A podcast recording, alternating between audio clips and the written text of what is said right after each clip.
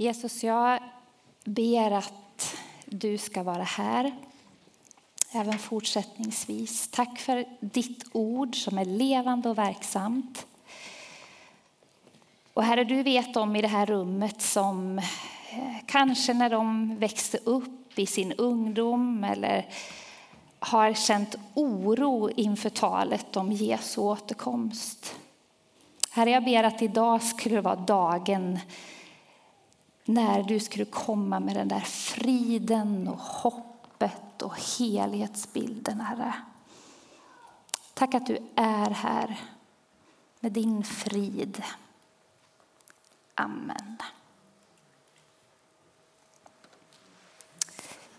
Hej kära vänner. Tänk att till och, jag, till och med jag får dra upp den här lite, det känns ju fint. Så.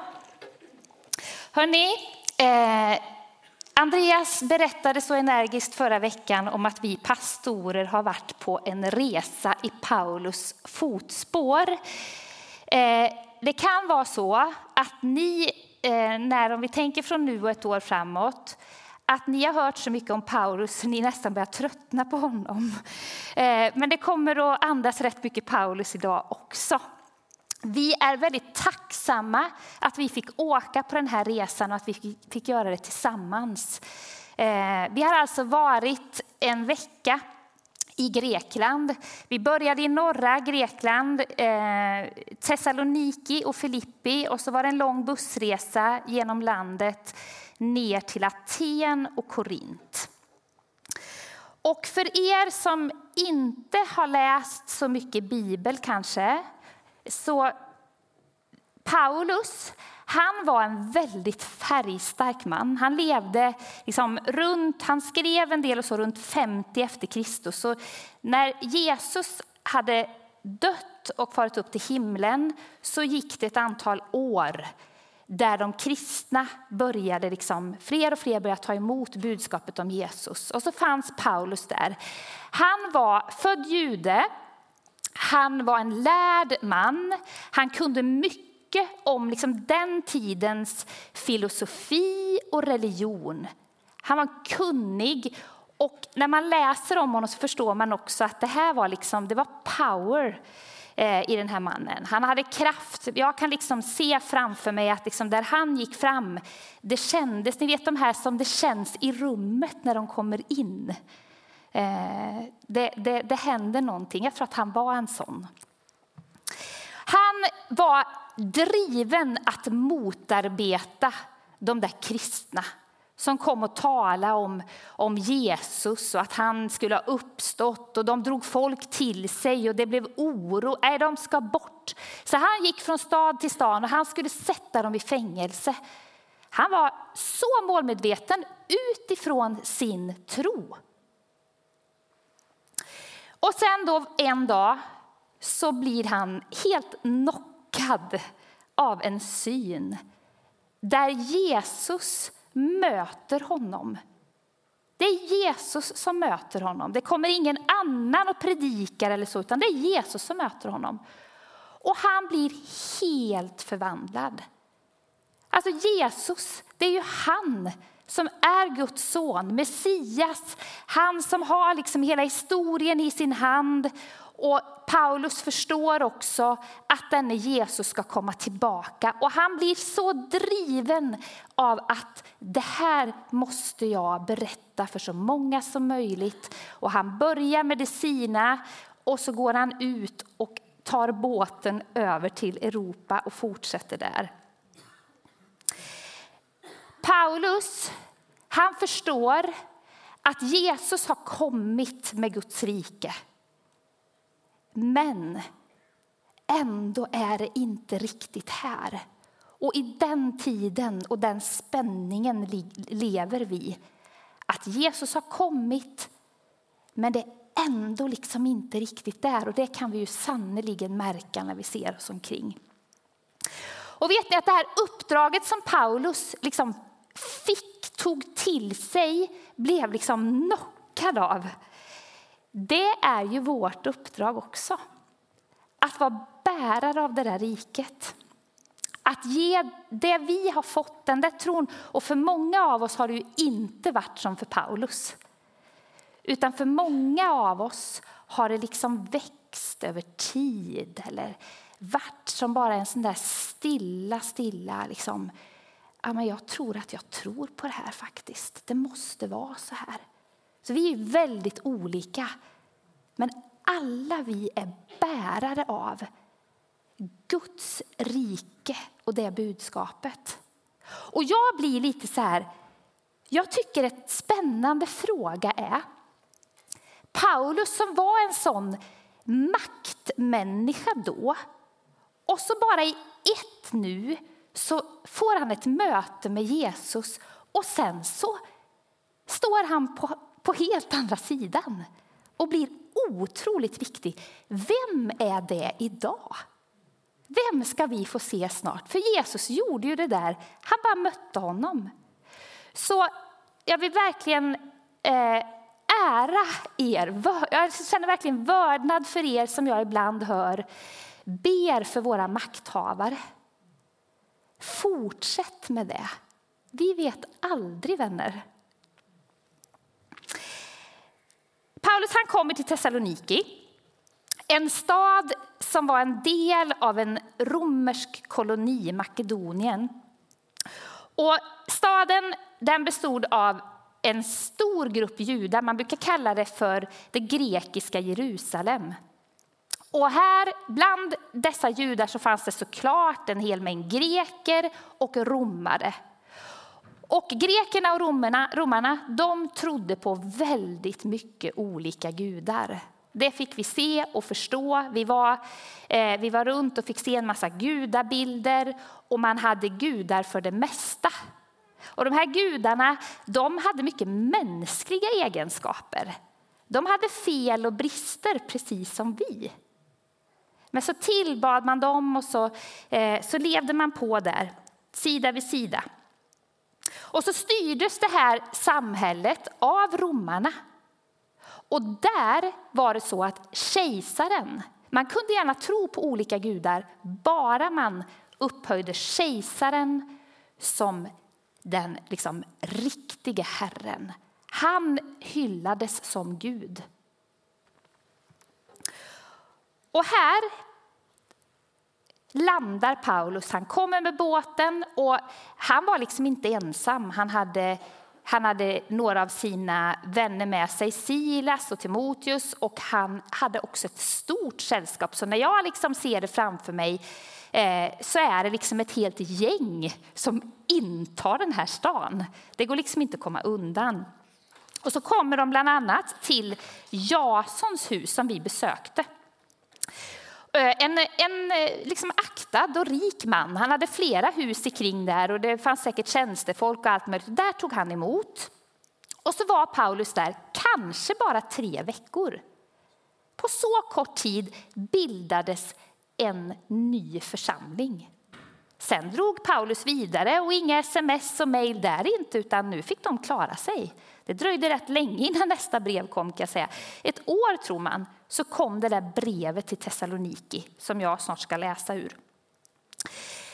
De här kristna de levde under stor förföljelse och hotbild. Det var till och med de som fick bli martyrer, alltså sätta livet till.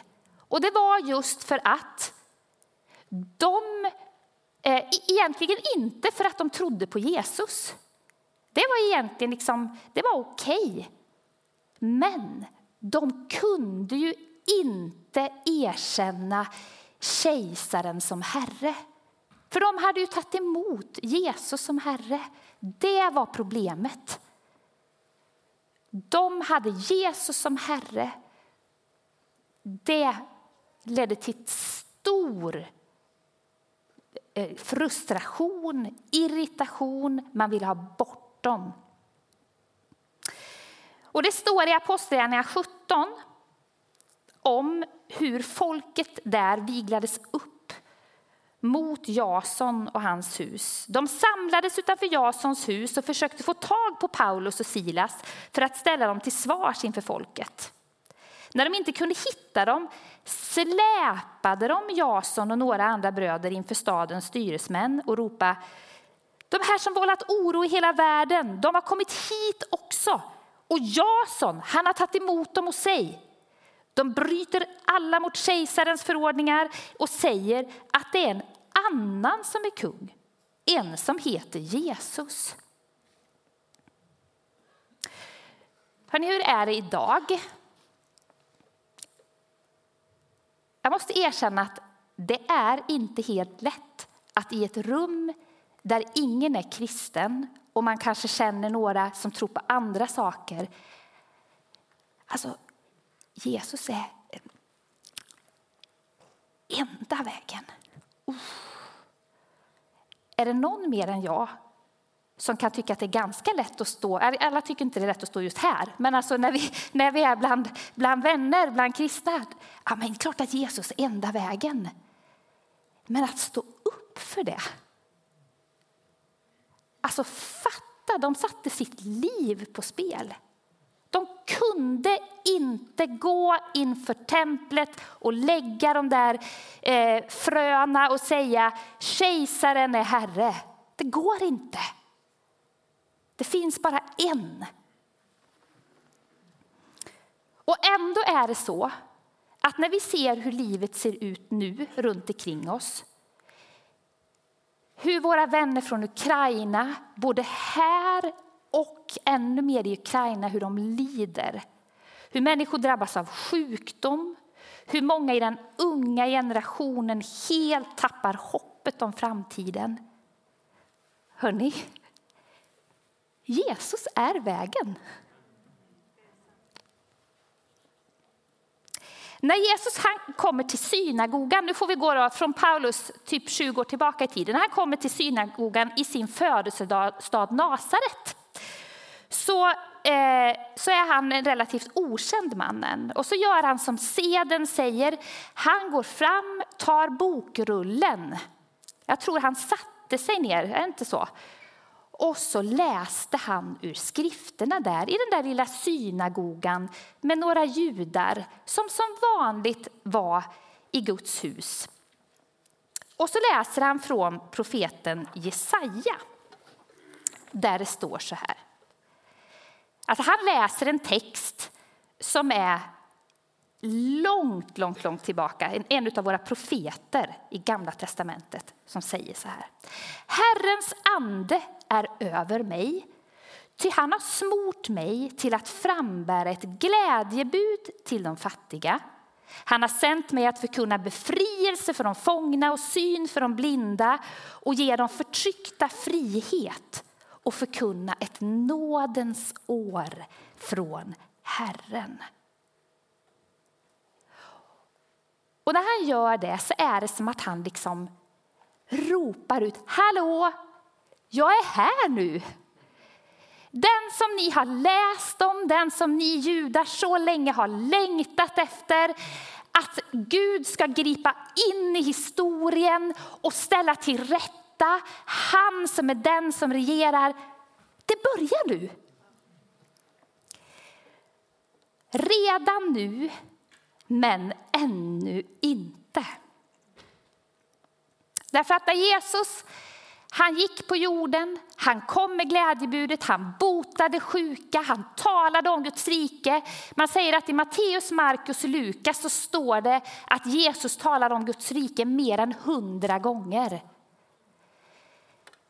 Men så i veckan när vi samlades till bön, då bad vi för de här flyktingarna som kommer till klädhjälpen, som är i stor oro för sina män, för sina söner, för sina släktingar. Vi bad för vänner i vår församling som har fått cancerbesked. Vi bad för kvinnor i den här stan som är så utsatta. Vi nämnde Putin. Och många andra saker. Ni vet, jag behöver liksom inte, vår värld vacklar. Det finns mycket som är oroligt. Men då är kyrkans uppgift, min uppgift, men det är vi som är kyrkan, alla vi som tror på Jesus och har tagit emot honom. Vår uppgift är, det är att peka på hoppet.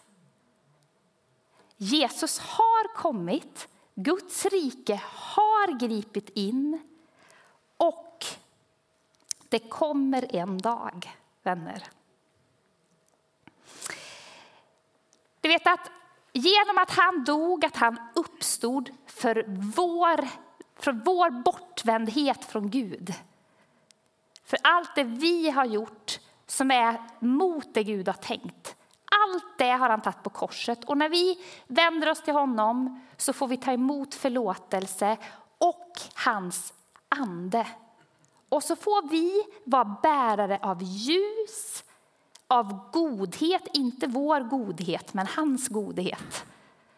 Av sanning, bara det.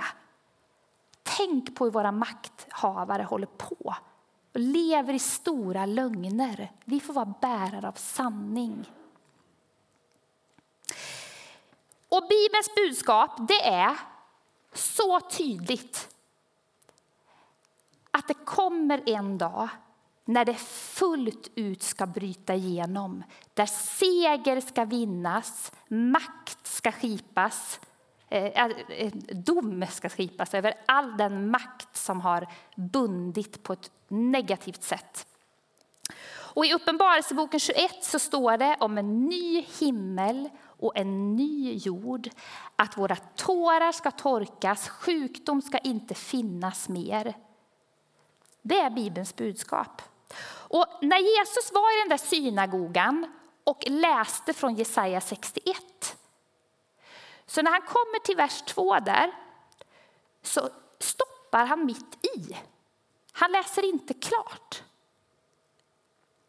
Jesus har, han kom, han, han gav syn till de blinda, han botade sjukdomar. Men om vi läser andra delen av Jesaja 61 och 2 så fortsätter den så här. Att förkunna ett nådens år från Herren, en hämndens dag från vår Gud. Att trösta alla som sörjer. Och den delen, att hämndens dag ska komma, det är när Jesus kommer tillbaka.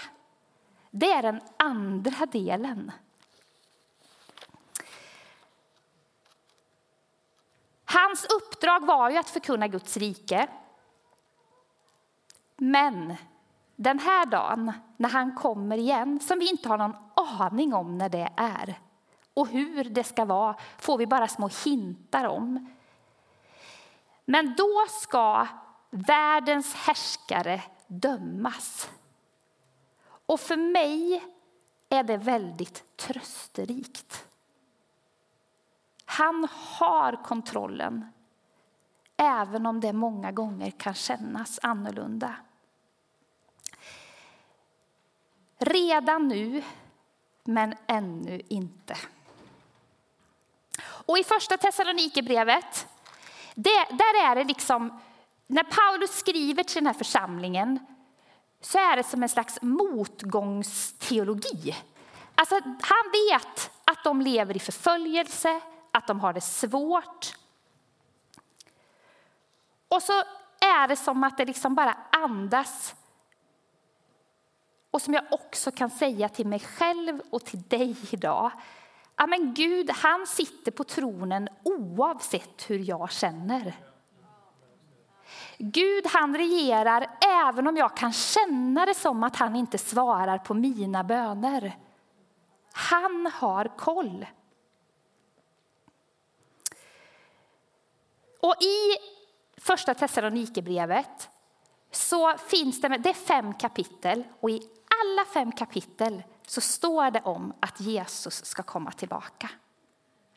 Det kommer tillbaka gång på gång. De levde som att det händer snart. Paulus, när jag läser så verkar det som att Paulus trodde att Jesus skulle komma under, under tiden han levde. De behövde det, de behövde det hoppet för att stå upp. Och vi behöver det. Jag tänker att vi som levde typ där på 70-talet och som kunde uppleva om vi såg de här filmerna som några av er såg, eller böckerna Left behind och den här Som en tjuv om natten. Och så, så var det som att det, liksom, det målades upp så det var något som skulle skrämma oss. Ja, har du det klart med Jesus? Och så, ehm, alltså, Bibelns budskap är ett helt annat. Hörrni, alla vi som har sagt ja till Jesus, alltså, han, han, han kommer tillbaka. Han har koll. Och I den antika världen då, eh, då var det så att när en kung kom, när Caesar kom in mot staden, då, då gick hela folket ut. Och så blåste man i trumpeter eller ja, vad det nu basuner så De basunerade ut liksom kejsaren är här. Ni vet det där som sen Jesus när han gick in eh, i Jerusalem och man hade palmbladen och allt det där. Och så ropar han nu är han på väg. Och den uppmärksamme ser att jag har glömt kapitel 4 där. Va? Jag sa ju att det var i alla fem kapitel det står om Jesus eh, och att han ska komma. Så nu tar jag kapitel 4. Där står det så här i vers 16. När Herren själv stiger ner från himlen och hans befallning ljuder genom ärkeängens röst och Guds basun, då ska de som är döda i Kristus uppstå först. Och därefter ska vi som är kvar i livet föras bort bland molnen tillsammans med dem eh, för att möta Herren i rymden. Och sen ska vi alltid vara hos honom.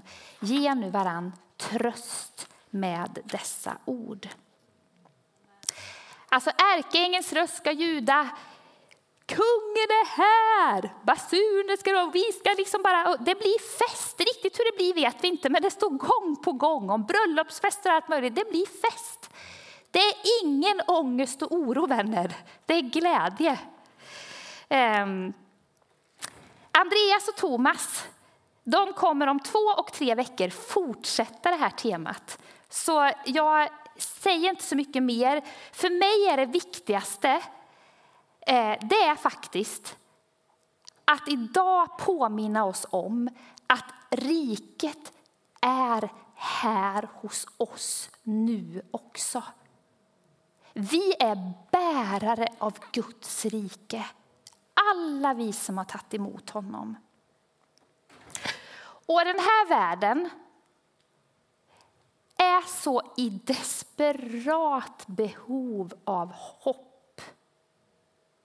Och där vi finns, till våra barn, till våra släktingar, till våra arbetskamrater, till våra grannar, till våra kristna systrar och bröder. Hörni, vi är bärare av hopp. Och jag lyssnade i veckan på en helt färsk rapport. Den är så färsk så att jag fick bara en liten förhandsgenomgång. Eh, den har inte ens kommit. Som handlar om unga vuxna. Och, eh, den, kallas för, den heter, de har döpt rapporten till Unga vuxna på glid. Det är så många unga vuxna som har växt upp i kristna hem och som glider bort och en av sakerna som jag studsade mot, det var att många av dem som hade blivit intervjuade i den här rapporten, det är ingen som har frågat på vägen. Varför? Det är ingen som har liksom sagt något under mina vuxna år. Och där funderar jag lite grann. Vi som är bärare av hopp vi kan förmedla det både så där stort i våra stora konserter och vad vi gör, men de du har närmast dig, fortsätt och så in hoppet. Och jag vill avsluta med eh, när jag satt med de här förberedelserna så var det som att ni vet så här ibland när man bara stannar upp och så var det som att jag liksom såg framför mig. Så jag vill bara dela det med er.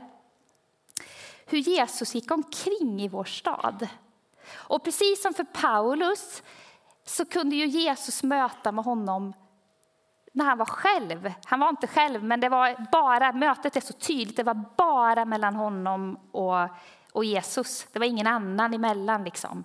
Så, där, så kan det ske. Eh, men ganska ofta så möter människor Jesus, till exempel Jason eller Lydia eller många andra det står om. Och vi vet själva att många gånger är det någon som har varit bärare av Guds rike in i våra liv. Vi behöver varann. Och det som jag liksom såg, det var den där vilsna flyktingen som kommer till klädhjälpen. Att Jesus var där. Att den blev mött av någon av er som finns där på klädhjälpen. Som ser och med varm blick möter upp. Och jag såg också någon, någon av de här tonårstjejerna ni vet som ligger under täcket och scrollar på TikTok och Insta och ser alla dessa snygga, perfekta eh, kroppar och bara känner att jag duger inte. Och jag bara såg framför mig att någon av er ska få nå in i den här tjejens liv och tala om att hon duger och att det finns en uppgift för henne. Det finns något så mycket mer. Och jag såg också någon av alla de här killarna som har misshandlat någon senaste veckan. Och någon som ligger där någonstans, också under täcket. Och han har misshandlat en som nyss var hans vän. Alltså Jesus vill nå in där på något sätt. Och jag såg också en pensionär som satt hemma vid sitt lilla köksbord och kände sig så otroligt ensam. Jag har ingen. Jesus vill nå in där. Herre, tack för att du har gett oss en bit av ditt rike. Tack att vi genom, genom vår tro på dig och genom att öppna oss för din Ande så vill du fylla oss med ditt ljus, ditt hopp, din godhet, din frid. Och att vi som Paulus, vi är så, ja men typ all, nästan alla här är extremt olik Paulus. Men utifrån dem du har skapat oss till så vill du att vi ska vara bärare av ditt rike. Herre, hjälp oss att inte behålla det för oss själva. Hjälp oss att vara bärare av hopp. Och fyll oss i den här motgångs perioden vi är i nu. Fyll oss med den här liksom, andan som Thessalonikerna fick. Att han ska komma tillbaka. Det är värt att våga stå upp. Det är värt att våga stå för att Jesus är den enda vägen. Gör oss modiga, gör oss trygga, gör oss kloka och gör oss till hoppets bärare till den här världen.